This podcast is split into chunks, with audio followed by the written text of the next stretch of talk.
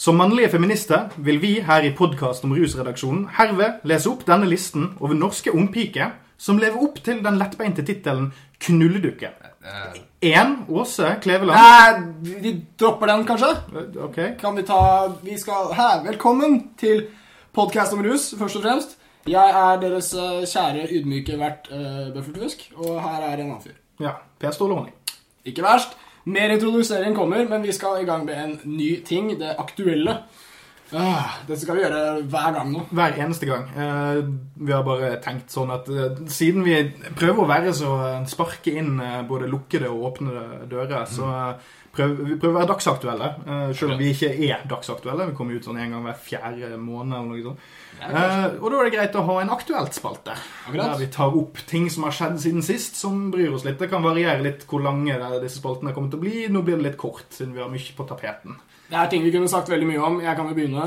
Eh, vi vil gjerne si 'hvil i fred', eller hva det nå man er man sier. Eh, Vi tenker på de pårørende, vi kondolerer. Ja, eller si at uh, synd at vedkommende gikk vekk, vil du vel Ja, si. skulle hatt flere år med vedkommende. Og det gjelder da Ninni Stoltenberg, først og fremst. Jepp. Uh, veldig lokalt, uh, lokal helt for oss. Ja. Og uh, Robin Williams skal vi også inkludere, som har gitt oss mye latter. Ja, og jeg vil først og fremst si altså, Når det gjelder Nini Stoltenberg, så har hun vært eh, egentlig et ganske sånn internasjonalt eh, kuriosa. Ja. Statsministeren i åtte år, eh, sin søster som har vært narkoman, og Mm. altså, familien har vært mye eh, politisk eh, innflytelse i mange herrens år. Og da er det, det, det er et sunnhetstegn for eh, nasjonen at vi har hatt eh, en person som hun. Ja, helt klart. Eh, En hederskvinne. Ja, og ikke bare i egenskap av å være i slekt med folk, men hun har òg uh, hatt eh, positiv påvirkning på narkotikapolitikken her i, landet. Hun har blitt tatt seriøst. Og det kanskje den første narkomane som er blitt tatt helt på alvor uten spesielt mange innvendinger. Absolutt. Det kunne vært en verre situasjon uten hennes innsats. Eh, Mm. og jeg vil også da i den ånd hilse til de rusavhengige i Bergen som har mistet sitt samlingssted, Nygårdsparken. Det kunne vi også fylt en hel sending om, skal jeg love deg. Og det kommer vi mest sannsynlig tilbake til senere, Det i senere må vi, for det er jo helt vilt, det som skjer der borte. Men, men en liten slags kondolanse til dem også, som nå må gå rundt i spredde deler av sentrum og møte kompiser på helt nye, fjerne steder. Ja. Tredobling av overdosestatistikken Ja, på én glipper glipp av den sosiale tryggheten man har i flokken. Men nok om mørke, triste ting. Vi skal prøve å, å gjøre det litt lysere. Vi har med oss uh, en person. Dette er nytt. Vi har en gjest i podkast om rus, og han har holdt seg skikkelig stille helt til nå. Uh, det er profeten Andy, vår kjære filosof og leder for Profetens Emma. Ja, det kjennes godt ut å være her. Og jeg vil være første Det er den første gjesten Ja, det er første gjesten dere har hatt her. Er Og jeg må si bare hele situasjonen er noe Det er noe veldig uvant og, og rart ved den. Det er, det er noe med det å liksom bare kaste ord ut til til en eller annen ukjent mottaker som bare befinner seg et eller annet sted. Det, det, Ja, det, det, Preben. Lytterne? ja, Preben. Ja, lytteren. Ja. Veldig abstrakt. Så ja. Ja, velkommen skal du være. Virkelig. Det er en glede å ha med. En verdig Ja. første gjest. Ja, og du er jo her i egenskap av å være filosofisk anlagt og uh, muligens altså, ha, ha litt uh, kontroll på ting vi ikke uh, alltid har, like gode til å definere. Du, eh, du kan kanskje eh, definere litt mer ting enn det vi kan. Ja, Kan- tøyne, kanskje? ja, komme med litt flere teorier.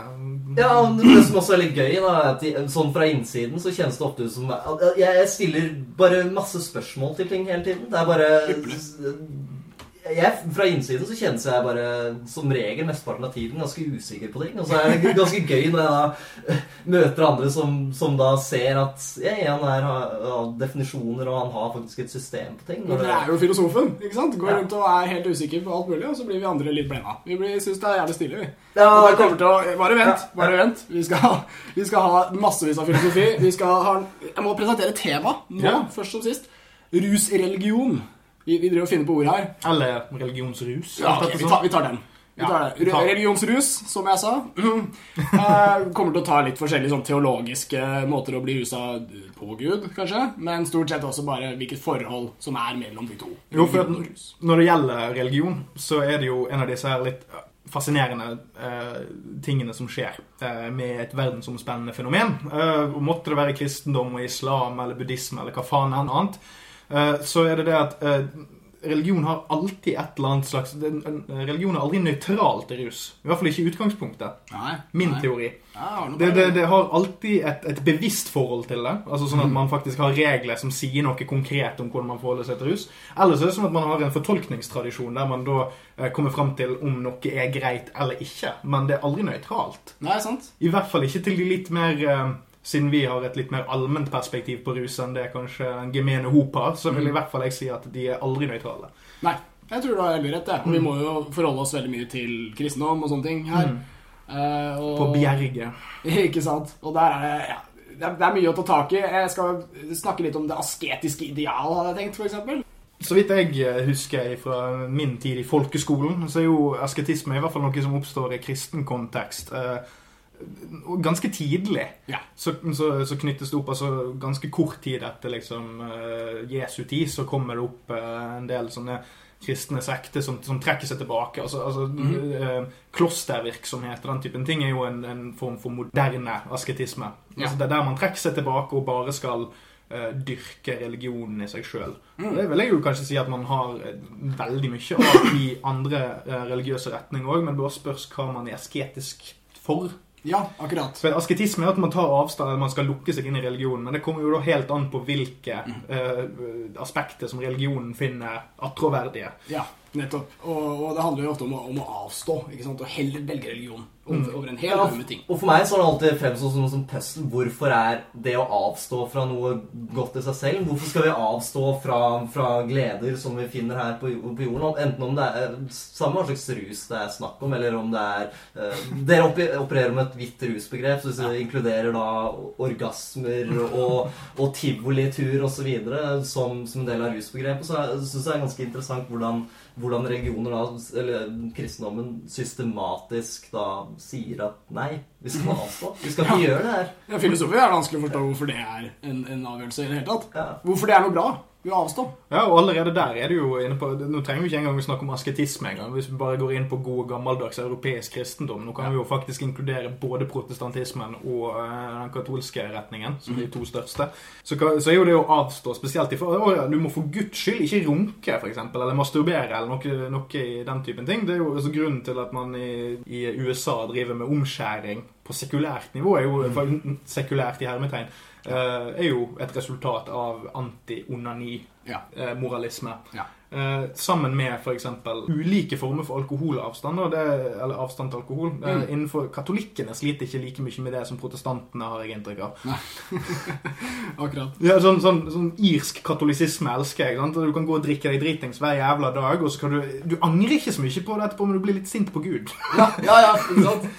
Jeg liker det godt. Jeg, jeg, jeg føler at måten det asketiske idealet har altså, kommet seg trolig fra religionene over i ruskulturen, er ved dette med å avstå.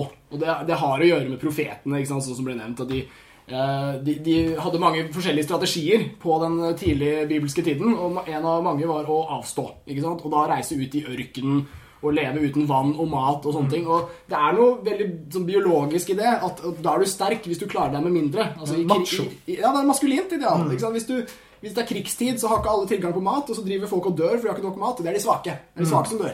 Eh, Men han sterke står igjen. Og, og asketene var ofte de som reiste ut i jungelen Unnskyld, jeg mener ørkenen. Og uh, da levde uten vann, mat eh, kjempelenge. Hadde dype samtaler med Gud. Fikk delerium, var på en måte rusa på å avstå. Uh, men da kom tilbake med flotte historier til alle de patetiske menneskene som fortsatt trengte vann og mat. Og, da, da tror jeg dette fletter litt over i alt annet av kultur. At det å være en slags hedonist, som ikke var populært på den tiden, i det hele tatt, slags motsetning, de elementene møtes i kulturen med asketiske idealer i stedet. Hvordan våger du å på en måte kose deg for mye? Og Onani og sånne ting er også liksom frykten for at de skal bare gjøre det. De skal liksom bare ligge og runke hele dagen, glemme Gud og bare runke for mye. Ja, det, Men så er det kanskje også litt det med at, at man kanskje har frykten for at, at det onde i mennesket på en måte det, det, det fremvekkes når man Når man, når man har sterke følelser. Si, si jeg, jeg ler. eh, Så, så er det veldig van, eh, da lett å tenke at eh, siden dette er en, en sterk følelse, at det fort kan snu om til sinne, til, til hat, til, til det vi gjerne ser på som ondskap. Til, ja, men det er jo religionens dualisme. dualismeperspektiv er jo noe som ofte dukker opp i kontakt med religion. Ja. Eh, Det man har, I hvert fall innenfor de monotismene abrahamittiske. Ta det kort. Hva er dualisme? Ja, dualisme. Altså, Kort og godt er at du har, du har to sider av en mynt. sant? Du har det gode og det onde. Eh, og du har, Da får vi veldig fort problemer med gråsonene. ja. Fordi at godt eksisterer ikke her. Nei, ikke For eksistens må jo i så fall da være gråsonen. Men det er altså kropp og sjel. ikke sant? Altså, det er, Ja. Mynten har mange altså, Den har to sider, men de kan representere mye. Ja, Ja. Sånn, Så du får Gud og Satan eh, og ja, mange andre ulike variasjoner av godt og ondt. sant? Sa Sauron og Frodo for, eh, Og selvfølgelig for, den, rusfolket der ute. Rusfrihet godt, rus så har vi også den store, da. det- Den hvorvidt det finnes en ikke-materiell verden. Som den dualismen er. Det er jo mm. som antar at vi, vi har det materielle, fysiske verden, så har vi også et, et åndelig rike som, som Ikke sant? ja. Er det noen rusmidler i himmelen? Er det det? I himmelriket? Ja, eh, der, der kommer, vi- Hvis du har lyst til å snakke om islam, nå, kort Eller Hvorfor ikke? Og langt og lenge. For vi, vi er jo alle omskjærte, vaskeekte Tøyen-muslimer, vi som sitter her. Ja, jeg har blitt uh, at dere ikke kan se oss. hjernevasket. Uh, men innenfor islam så har man i hvert fall uh, en, en viss forståelse av, av rus der eh, man bruker først og fremst alkohol. Alkohol kan være haram. Kan at Altså, Man skal ikke eh, drikke alkohol, fordi da blir du eh, forgiftet. Altså, du for, altså, det er denne tanken om at, at kroppen er et, et slags tempel gitt til deg av, av Allah, og at du ikke skal ødelegge det. Eller påvirke måten du lever på. For, for, for å opptre godt, så må du være klar i hodet. Det er liksom poenget. Jeg vil jo si at det plutselig blir et problem når du skal overføre alkoholreferansene i Koranen og haditene. Haditene er da en eh, altså, tolkningstradisjon tilknyttet Koranen, sånn kort. Eh, problemet oppstår med en gang du skal prøve å sammenligne. Dette her snakker vi om hver eneste gang omtrent. Hvordan vi, man, man gjør et, et feiltrinn i å sammenligne eller, eller hive alle rustyper over i samme bås. Ja. At siden alkohol er det eneste de kjente til i den, eller var et stort utviklet problem blant de første muslimene, så skal det ikke så skal alt annet tas til inntekt for samme, uh, samme fortolkning. Så hasj og katt og alt mulig annet havner inn i samme bås. Her, her kom jeg på en parallell som eh, ikke har så mye med religion som å gjøre. som jeg. Men jeg kan jo få det til. Uh, avholdsbevegelsen i Norge var jo stort sett religiøse. Yeah. Og når de da uh, byttet fokus fra alkohol til narkotika yeah. eh, på 60-tallet, så var jo det ofte fordi Da visste jo ikke de noe om narkotika. De visste jo ikke om cannabis eller forskjeller på cannabis, amfetamin, sånne ting, men de visste masse om alkohol. Ja. Og det var sånn som førte til eh, satan og lidelse og alt det der. Så når de da hørte om narkotika, så ble jeg sånn Når de fikk beskrevet hva er narkotika Ja, men det er jo forbudt! Ikke sant? Altså, det, det er jo akkurat som spriten! Det er jo som får deg vekk fra Herren. Og, ikke sant? Så, så den generaliseringa den, den kjenner vi igjen flere ganger, og det er jo et nyere eksempel. Så det har holdt på lenge. jeg, jeg ser jo øh, godt hva skal jeg si, rasjonalen her med at det å For å leve et godt liv, så, så forutsetter det at man dyrker og, og, og dyrker frem sine evner. At man, at man lever et ja, et liv hvor, hvor man Ja, der man mm, som, som bevisste vesener, så vet vi at dette er eksistens. Ja. Altså, når jeg går rundt og er edru, så eksisterer jeg på et, et edruplane. Jeg vet hvordan verden fungerer gjennom observasjon. Ja. Uh, gjennom sansene mine. Uh, men tanken kan jo da være i et, i et litt konservativt religiøst perspektiv at med en gang du begynner å påvirke bevisstheten din, så fjerner du deg faktisk mer ifra skaperverket. Sånn at Ja. du setter deg sjøl foran, uh, og, og kanskje med tanke på det islamske perspektivet sant? Altså, du, Det er større sjanse for at du begår haram dersom du ikke er mentalt til stede. Så Mm. Sånn sett kan man jo Snuble over armen. Men der er det jo en veldig veldig interessant parallell til de religioner som bruker rusmidler som en måte å erkjenne Gud på. At man bruker Ja, ja. det som et middel til å, til å få innsikt i det, i det guddommelige. Ja. Sånn, på den ene siden da, så har man religion som sier nei, vi skal avstå fra det her fordi de ødelegger oss selv. Men på den andre siden så har man da de religionene som sier at nei, dette her, dette middelet her, om det er psilocybin eller om det er ayahuasca, så det, det hjelp av det middelet her, så kan vi bryte igjennom. Ja, bryte Ja. igjennom. Ja, her må jeg jo skyte inn. Det finnes jo ikke sant, rene sånne ruskirker, eh, hvis vi skulle kalt det det.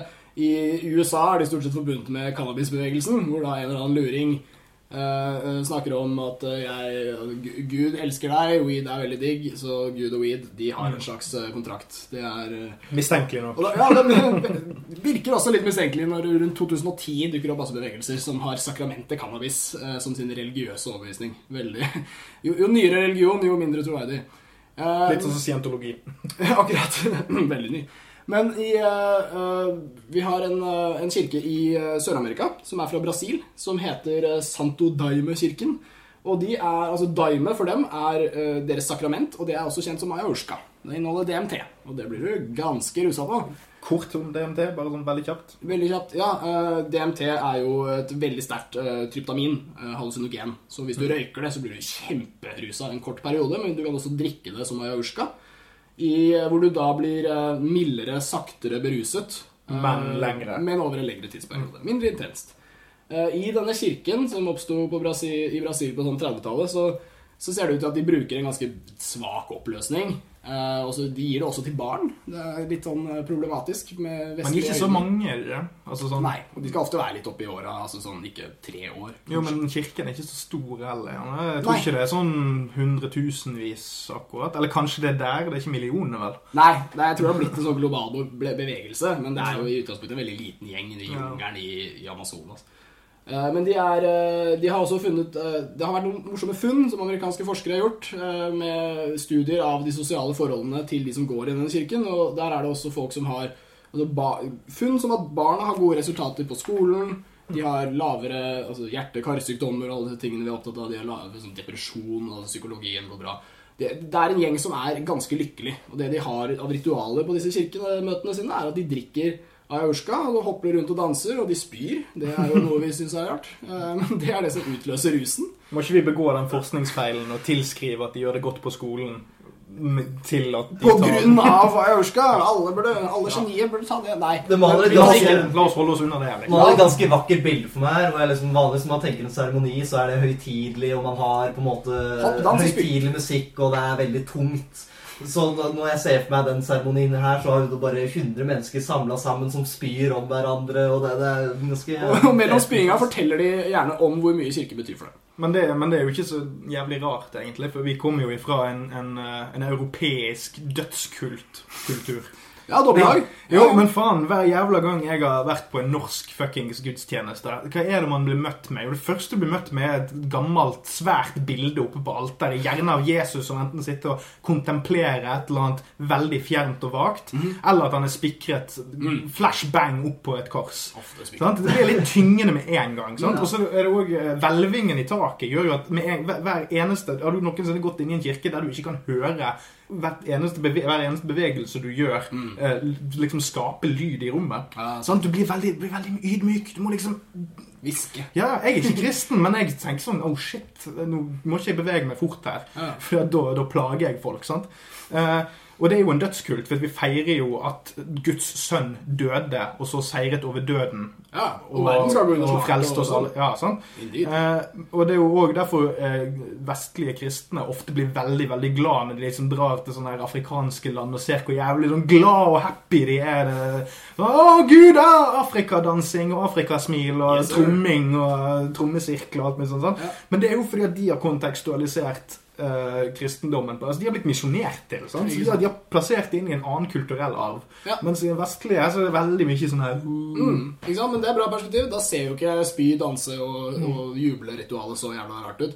Og uh, igjen, jeg må si, jeg tror ikke det er derfor de gjør det bra på skolen, men jeg tror virkelig at uh, vi kan avkrefte at det fører til et dårlig liv. Et, øh, et råtten tilværelse. Å ta ofte ayahuasca. Jeg kom til å tenke på at i forbindelse med det du, du sa i stad, det- så kom jeg til å tenke på Ed Izzard. Han hadde jo Han gjorde Den en eh, britiske av komikeren. Ja, Stemmer. han gjorde en gig ut av forskjell mellom gospel-tradisjonen i USA og, og den mer vestlige til her. Ja. Hvor vi i kirken det er ganske Vi synger stille, sørgmodige sanger. Mm. Men, uh, mens der så er det mer halleluja. Det er en feiring av livet. Det er en feiring Ja. av øh, den, den, Det er en ganske sterk parallell. Absolutt. Og de ble jo møtt med skepsis, øh, gospelbevegelsen. De var jo en gjeng med tøser, de, i de andre kristne øyne. Så, så ikke sant. Uh, vi, vi har en eh, Den gloominessen i den vestlige monoteismen og islam for den saks skyld kan også bidra med hvordan vi ser på rus. altså. Det, jeg tror ikke vi kommer unna det. Nei. Men, men DMT, hva tenker du det Eller Kuska i forhold til hvordan det ble brukt i, i, i den kirken? Uh, Ja. Litt uklarhet i hvordan vi uttaler ayahuasca, men det får Ja, bare lytteren tåle. Er det, er det ayahuasca Nei, hvordan var det? Ayahuasca. Ayahuasca. Ayahuasca. Har du- har du Har du, tro på den siste der, egentlig. Har du fått vaska? Haru- Ayahuasca. Ayahuasca. Men sånn i forhold til Skal sammenligne med LSD, så i hvert fall så, Som regel så er, så er jeg sjelden lest om at man har noe erfaringer av at det er en slags bevissthet utenfor deg selv som du kan ha noen form for uh, kommunikasjon med, mens Ja, det på DNP så er det i hvert fall reporter om at vanligvis det er, at det er en veldig van, vanlig del ved, øh, ved opplevelsen Mm. At man har en bevissthet utenfor deg selv som man kan kommunisere med. Ja, Han, ja, det er veldig sant, det. Det snakkes jo gjerne om de maskin-elfsa. Hvem er det som Er det ikke uh, jeg, Machine jeg, har ikke hørt referansen Elves, men jeg har hørt uh, mange som har tatt DMT, som har fortalt om at de kommer til et sted hvor de har en samtale med en annen stemme. Ja. Og hvis du da er veldig sekulær eller ateist, eller noe sånt, så jo, vet du at alt skjer inni hodet ditt, og da vil du jo tolke at den stemmen er din stemme. Jeg, hvem andre er der? Og hvis du er dypt kristen, så hører du Guds stemme. Hvis du er buddhist, så er det Buddha som kommer over der. Og det finnes ofte et sted uten tid og rom, og ja, det er en veldig interessant greie det med at DNT gir deg denne eksterne kilden.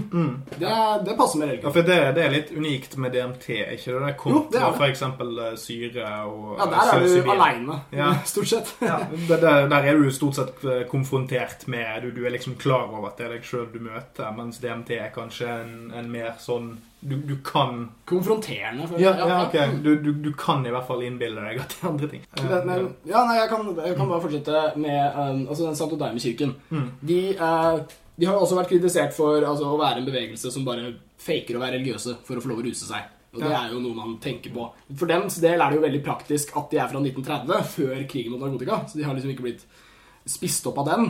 Eh, Men jeg lurer på, altså hvis, det finnes andre måter å kritisere den kirken her på. At hvis, er det sånn at de ikke kan altså Santo Daime betyr jo den hellige drikken. Og drikken er aurska. Så for dems del er det veldig direkte. De tilber rusmiddelet. En ganske spesiell gjeng i så forstand.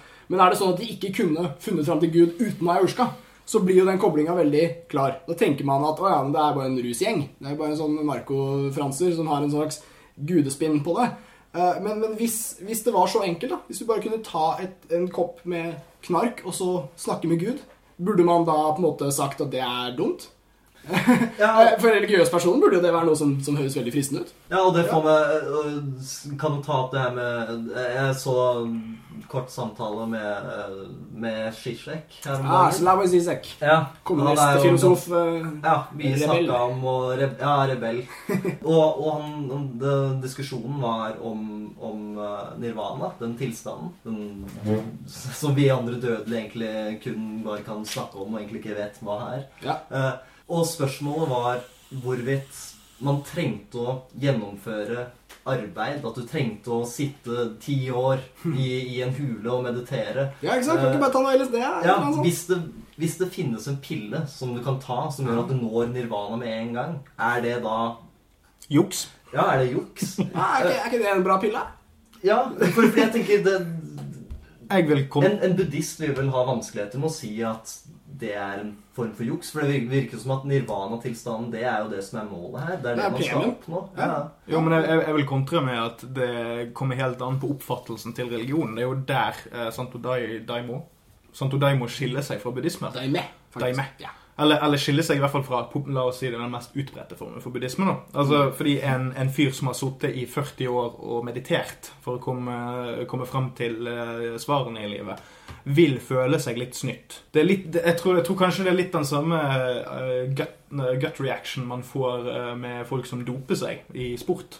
Altså, den, altså det er sånn å ja, Er du noe mindre enn idrettsmann dersom du har dopet deg? I hvert fall hvis du konkurrerer kun mot andre folk som doper seg. Sant? Er du da en dårlig idrettsmann? Nei, du er jo nødt til å trene jævlig hardt for å få utbytte av dette. Og det er jo ganske kult å se liksom, hvor langt Lance, Lance Armstrong ble jo, var jo jævlig flink å sykle. Ja, for det, for det er jo Man forsterker noe som er der fra før. Det er jo ikke som når man tar en tablett, og så er man plutselig Ja, ja. Johnson. Ja, hvis vi tok det Lance tok, så hadde ikke vi vunnet Tour de France. Nei. Ja, men la, la meg skille da, for, eh, for, for min del så blir jo da Santo Daimo-kirken eh, dop-OL, da. Mens, mens, eh, mens buddhisme, sånn sitter i 40 år og oppnår nirvana, blir eh, bare liksom den populære oppfatningen av hvordan idrett skal fungere. Ja. Avholdsbevegelsen. Sykt nobelt. Ja, så, altså, Du kan ikke introdusere det nødvendigvis i en allerede eksisterende religion. Du er nødt til å bygge det opp som enten et, et, et utskudd av en annen religion, eller så er du nødt til å bygge det opp som en helt egen, rett, en helt egen greie. Jeg tror ikke du kan introdusere deg i buddhisme som en ting.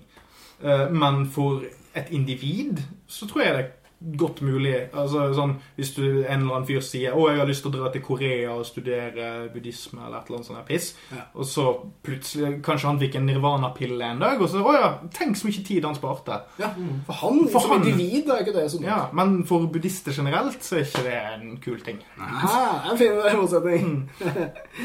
Men buddhist burde jo ikke tenke på liksom at nei, nå, nå har vi som buddhister vi har fått, eh, nå har vi fått bad rep. Fordi vi har, nå har vi buddhister blant oss som har tatt en, en pille som har gjort at jeg har oppnådd eh, nirvana. Det er, sånn, det er jo ikke bad rap. men det skal man ikke tenke på i det hele tatt. Poenget der er vel mer at man hvis, hvis man når en eller annen transcendental tilstand som gjør at man får, får noe innsikt i, i, i, i hvordan ting er, så så burde jo ikke på en måte medialyset eller hvordan, hvordan Ja, men- eh, samfunnet rundt ser på det, ha noe innvirkning. Men en, en innvending vil nettopp være det at eh, enkelte religioner oppfatter, som f.eks.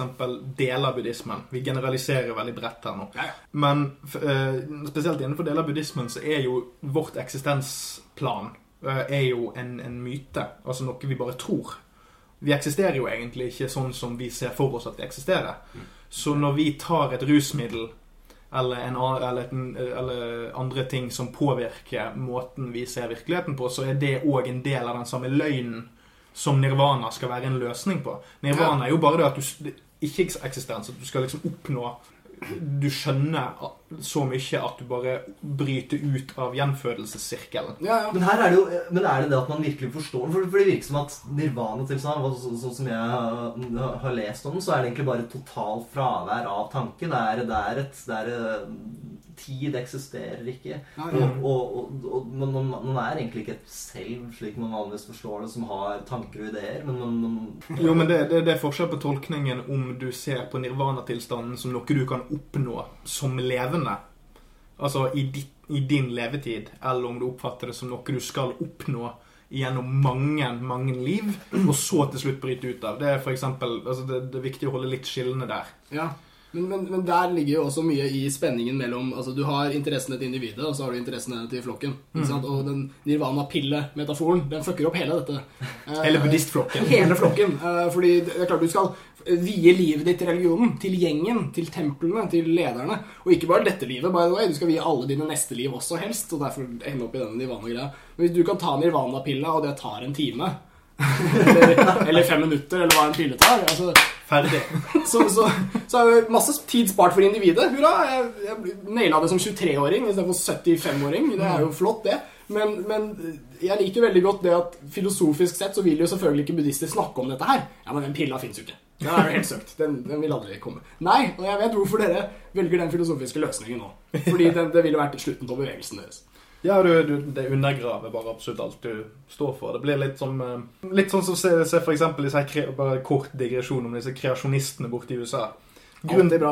for et Kreasjonister er jo de som tror at, at jorden er 6000 år gammel. sant? Vet du hvordan, hvordan de kom fram til tallet? Ja, de har jo regnet seg gjennom De la sammen alderne til alle i Bibelen. ja, Det er ikke kødd. ja. Og for de så er det veldig viktig at, at, at dinosaurene ikke har fjør.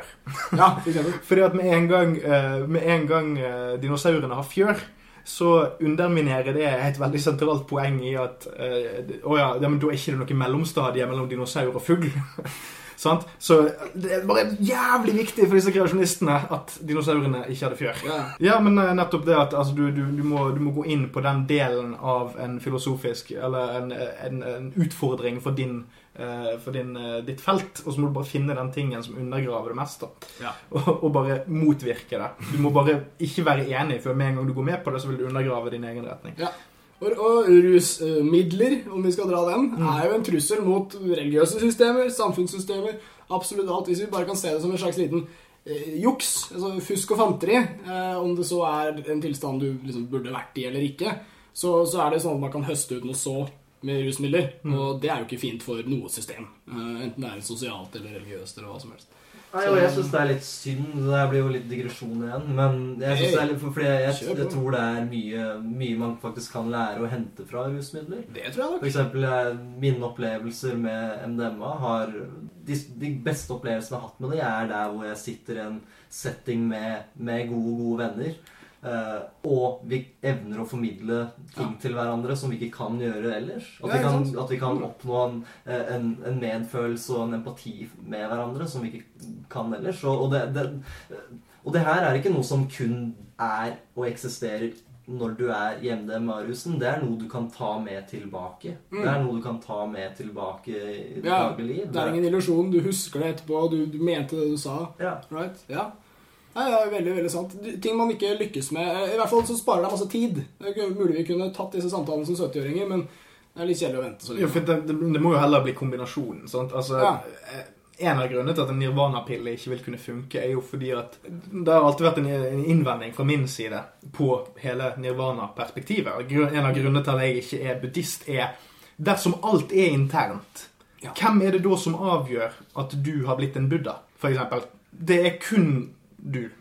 Ja, er du. Ja, altså Alt er en intern reise. Du kan lære ting av andre. sånn, å ja, 'Hvordan er det du gjør ting, og du gjør ting?' Men det er jo ingen som avgjør hvor du er i prosessen, bortsett fra deg sjøl. som er grunnen til at du får masse sånne scam artists som driver og snyter folk for masse penger rundt omkring i hele India og mange andre steder. sant? Det er jo den her tanken om at å uh, oh ja, så lenge du bare viser at du, er, du har mye sjøltillit på feltet, Ja. så er du en autoritet. Ja, jeg tror, jeg tror vi har uh, liksom klart å vise med det at, at eh, religionene i seg selv prøver nok å verne seg litt mot rusmidler. Men, men de selv får jo vern av religionsfriheten. Og jeg har tenkt mye på dette her om at altså, er, det, er det rom for drugs i religionsfriheten? Altså, Nå har vi jo nevnt Santo Daime-kirken, som har det som et sakrament. ikke sant? Cleverly. Da, så lenge du tilber sakramentet ditt, så blir det veldig vanskelig å forby uh, ayahuasca uten å forby kirken. Og da er religionsfriheten eh, kjekk å ha, men den er samtidig veldig løs og ikke særlig avgrenset. Så Den står nært meningsfrihet, og vi, vi kjenner jo grensene i samfunnet. Du kan ikke finne på ting som krasjer med lovene. Du kan ikke mene det er din religiøse rett å drive og drepe folk. Det funker ikke i rettssalen. Eh, Du kommer ikke så langt med det. Det der var jo en, en var ikke en Wesensten-sketsj, det der? Kanskje? Om, om, eh, om når de legaliserte, eller legaliserte i hermetegn eh, hasj i eh, Nederland. Ja. Jeg tror det var Harald Heide Steen som ble, liksom, ble intervjuet av Rolf Wesenlund eller et eller annet sånt piss. Og så var det sånn Ja, men eh, hva, hva, syns dere om at eh, Hvorfor gjør dere dette? Nei, vi tenker jo at eh, vi begynner å legalisere uh, små forbrytelser, og så etter hvert så kommer det til å bli lovlig å drepe og sånn. etter hvert.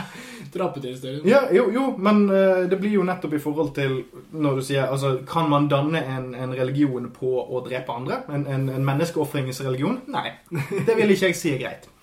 Men hvis det er en internalisert opplevelse Altså hvis det er noen ut, en går inn Ja. i en, en bevegelse og utsetter seg sjøl for noe som voksen person, Mm. greit. Men der har du òg nyanser, selvfølgelig. Ja, men det er et evig liberalistisk argument i rusdebatten om at det er min kropp. Jeg burde få lov å putte hva jeg vil inn i den. Og hvis du ser Og det er jo et litt sånn hva skal jeg si individualistisk synspunkt. Jeg tar ikke så mye hensyn til liksom flokken og sånne ting. Men hvis du ser på hva et sakrament defineres som av religiøse, så er det noe eksternt som du putter inn i kroppen, og som du da kommer til en tilstand du ikke ville oppnådd ellers. Og det er jo det er som å lese om drugs. Det er som å lese hva et rusmiddel er. Jeg tok det pulveret, og så whoop, så skjedde det magiske ting. Og det skjer ikke uten pulveret. Ikke sant? Så jeg lurer på om i er det er veldig vanskelig å skille, skille de opplevelser som, som gjerne beskrives i religion, fra alminnelige rusopplevelser som, som man kan ha på, på LSD eller psilocybin. Ja. Jeg tror også at, uh, at det blir vanskelig å separere religion helt fra rus. For jeg tror at når vi har opplevelser som vi ikke helt klarer å integrere, vi vet ikke helt hvor vi skal plassere det, vi klarer ikke helt å forstå oss på hva den opplevelsen er for noe, så tror jeg det er veldig, veldig fint for oss å ha, ha en eller annen, et eller annet system som setter disse opplevelsene i, i en slags struktur. Ja. Vi, som gjør at man kan forstå hva er det jeg har opplevd? Hva, hva, hva vil det her si? Uh, Absolutt. Det, men, men jeg tror også at det er veldig vanskelig altså I og med hvordan de overlapper rus og religion, så er det veldig vanskelig å ha en religion uten en gulrot.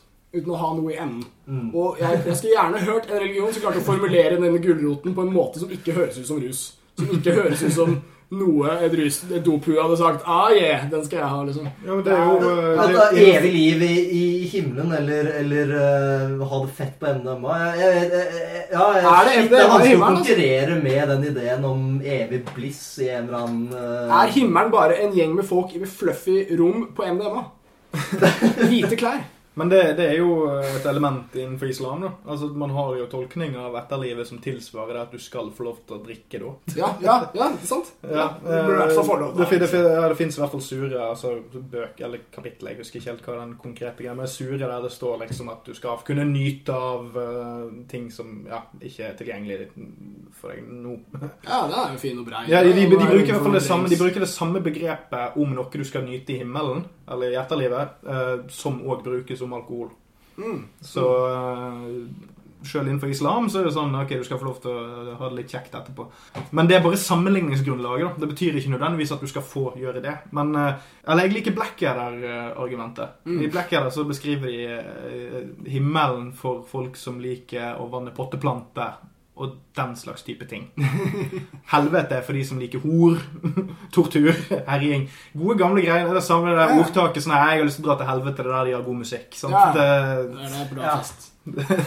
bare for å gjøre det profant. Men uh, over til eh, eh, bare, bare for å ta et annet eksempel, da. Eh, Ja. Bortsett fra, bortsett fra buddhisme, som vi har snakket i hjel nå. Altså, uh, vi kan gå enda lenger tilbake enn buddhismen, da, fordi at i India for mange herrens tusen år siden, eh, så var det en en, eh, sivilisasjon som kaltes eh, jeg, husker ikke helt Jeg lurer på om det er der vi har ariere fra. Ja, Altså ja. begrepet ariere, som har ut, utvandret og innvandret i forhold til India. Ja. Eh, men uansett så hadde man noe der eh, i førbuddhistisk tid, for Mm. buddhisme oppstår eh, i India. Ja. Eh, så hadde man eh, den vediske religionen, eller vedi-sivilisasjonen.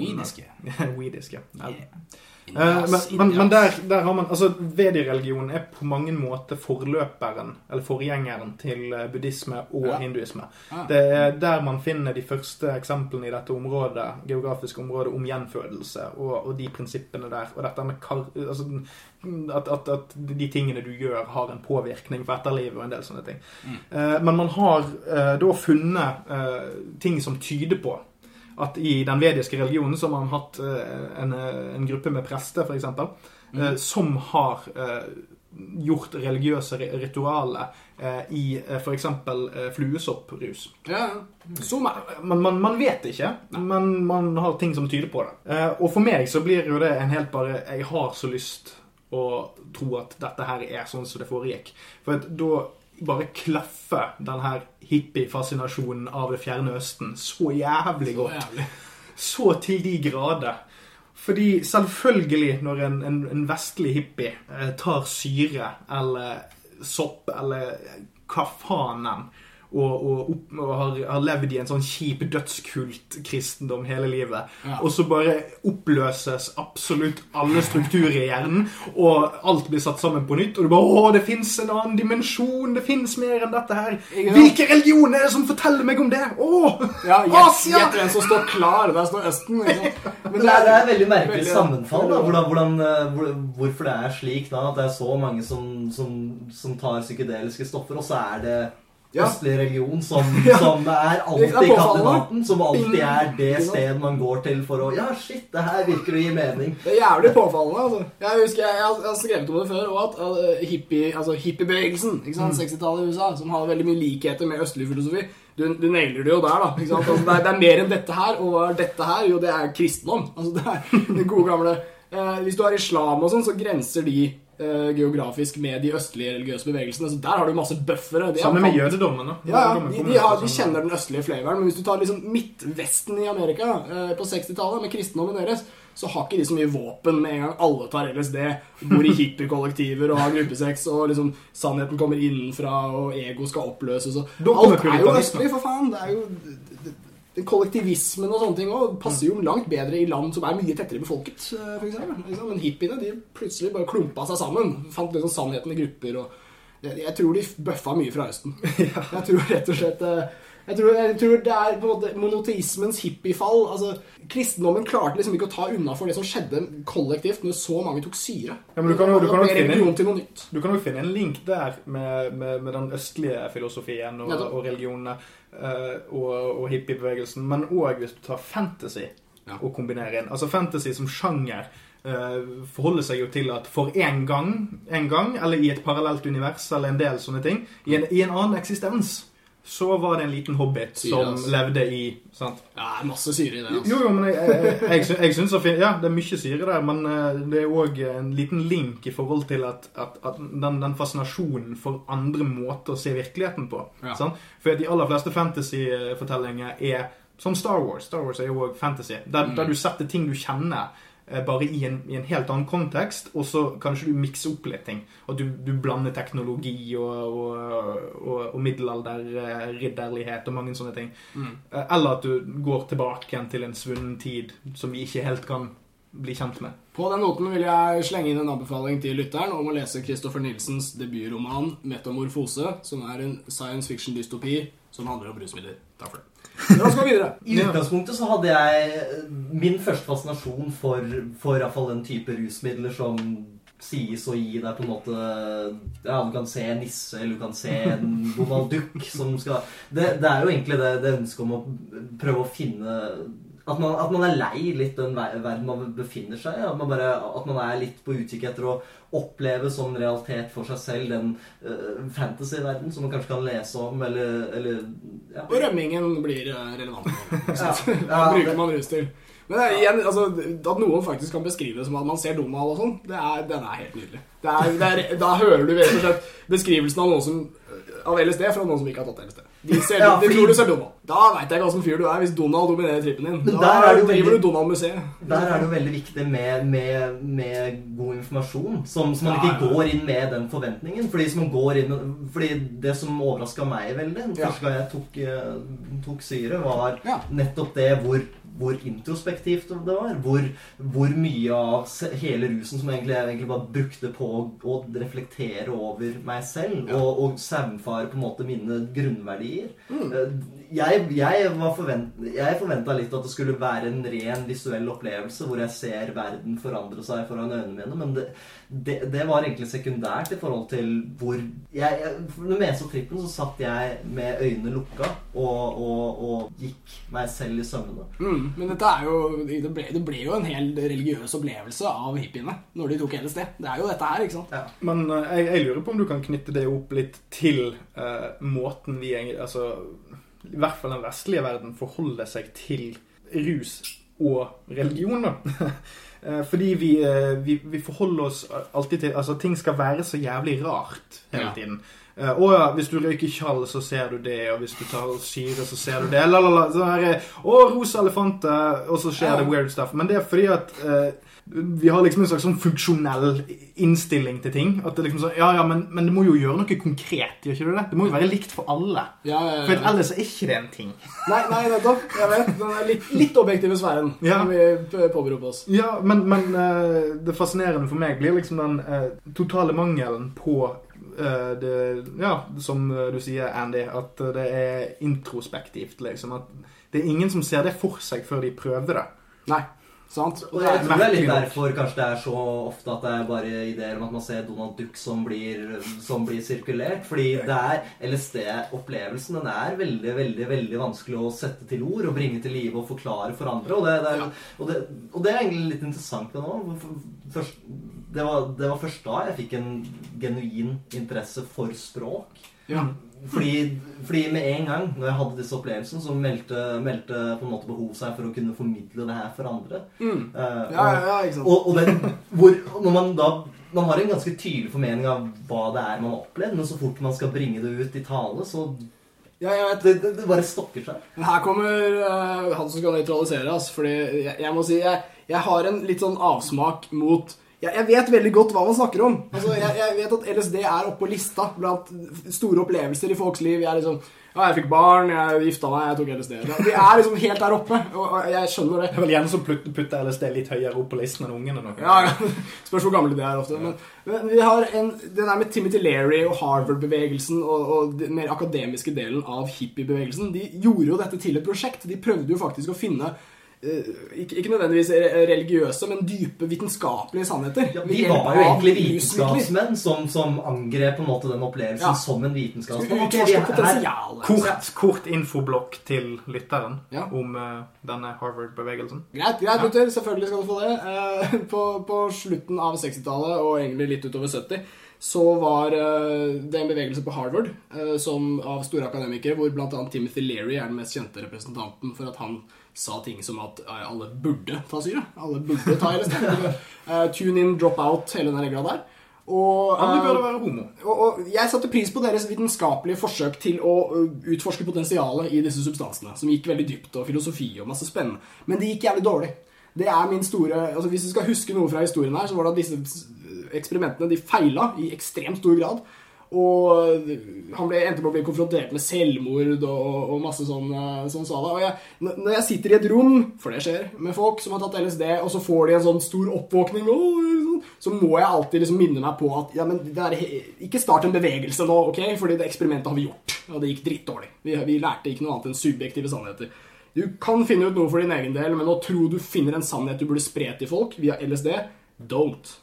Ja, for det, det, det der kom jo Eller kan, kanskje det er nettopp den både motsetningen og sammenfallet mellom uh, rus og religion. Altså, Kanskje en av grunnene til at og vi har vært innom på flere ganger mellom rus og religion, er nettopp denne saken med at altså, når en person sitter der og er trippet på syre og har innsett sannheten, så sitter alle andre og sier ja, men hvis det der var sannheten, så hadde vi spredd det mye jævla fortere enn det dere har klart nå i løpet av 40 år. Altså, kristendommen var en altså, Ikke at jeg sier at kristendommen er sant, men kristendommen hadde spredd seg mye mer utover samfunnet på 40-50 år enn det LSD-nismen har klart å gjøre. Men kanskje derfor, på grunn av at de, de, de opererer litt på det samme nivået. Ja, sant. Men Det er jo litt problem, for ofte så er det jo sånn som, Hvis man hvis tenker innenfor buddhismen og, og, og nirvana, så, det sånn, så, så virker det som at det er, er sånn at sannheten den kan man kun erkjenne så lenge man er i den sinnstilstanden. Når, du har, når du har vært der og du kommer tilbake, så, så er du ikke lenger i stand til å erkjenne den. Du må, du må, du må varme opp. Du må, du må gjennom via meditasjon eller via en eller annen metode. Du må spy og, og kanskje ta på en ung gutt, eller sånn. Du må gjennom en renselsesprosess av en eller annen slags pervers. Ja, det åpner for fryktelig mange ekle sekter. La, la, la oss nå anta at eh, si, si det finnes en eller annen sannhet, eh, og, og, man kan, og, og man kan nå den la oss anta nå gjennom ti timer intens meditasjon. Bare la oss anta det. Okay. Så Det er et ganske, ganske lettbeint estimat. Ja, ja, hvis, vi men hvis det ville vært tilfellet, ville det, den sannheten hatt noe som helst øh, Ville den vært verdt noe? Hvis det er sånn at Ja, du oppdager sannheten da, når du, når du sitter der i ti sekunder i meditasjon, og så er du ute av det, og så kommer du tilbake, og du har, du har ikke sannheten lenger. Det, det var noe som var ved den tilstanden, og nå er den vekk. Så vi si søvn er sannhet, da? Eller noe sånt. Altså, Hvis den forsvinner hele tiden, så Ja, hvis- blir det jo som drømmene mine. Altså, akkurat om de fortalte meg et eller annet fett. Jeg våkner opp, så husker jeg det om ti sekunder, så forsvinner det igjen. da er den veldig utilgjengelig. Ja, da, da er den jo Ja. Ja, men, ja, nei, jeg, jeg, jeg, jeg vet ikke om det da har noe stort med verdi. Altså. Det, det. Ja, men- jeg ja, men føler ikke litt det det samme med LSD-folk som må ta LSD for å komme hjem. Det er, hva faen jeg driver med? Jeg vet ikke om dette er så allment. Jo, men eh, det er jo kanskje forskjellen på det en person som sier 'Ser du dette treet?' Ja. Se hvor kult dette treet her er, fordi at det har røtter og sånn.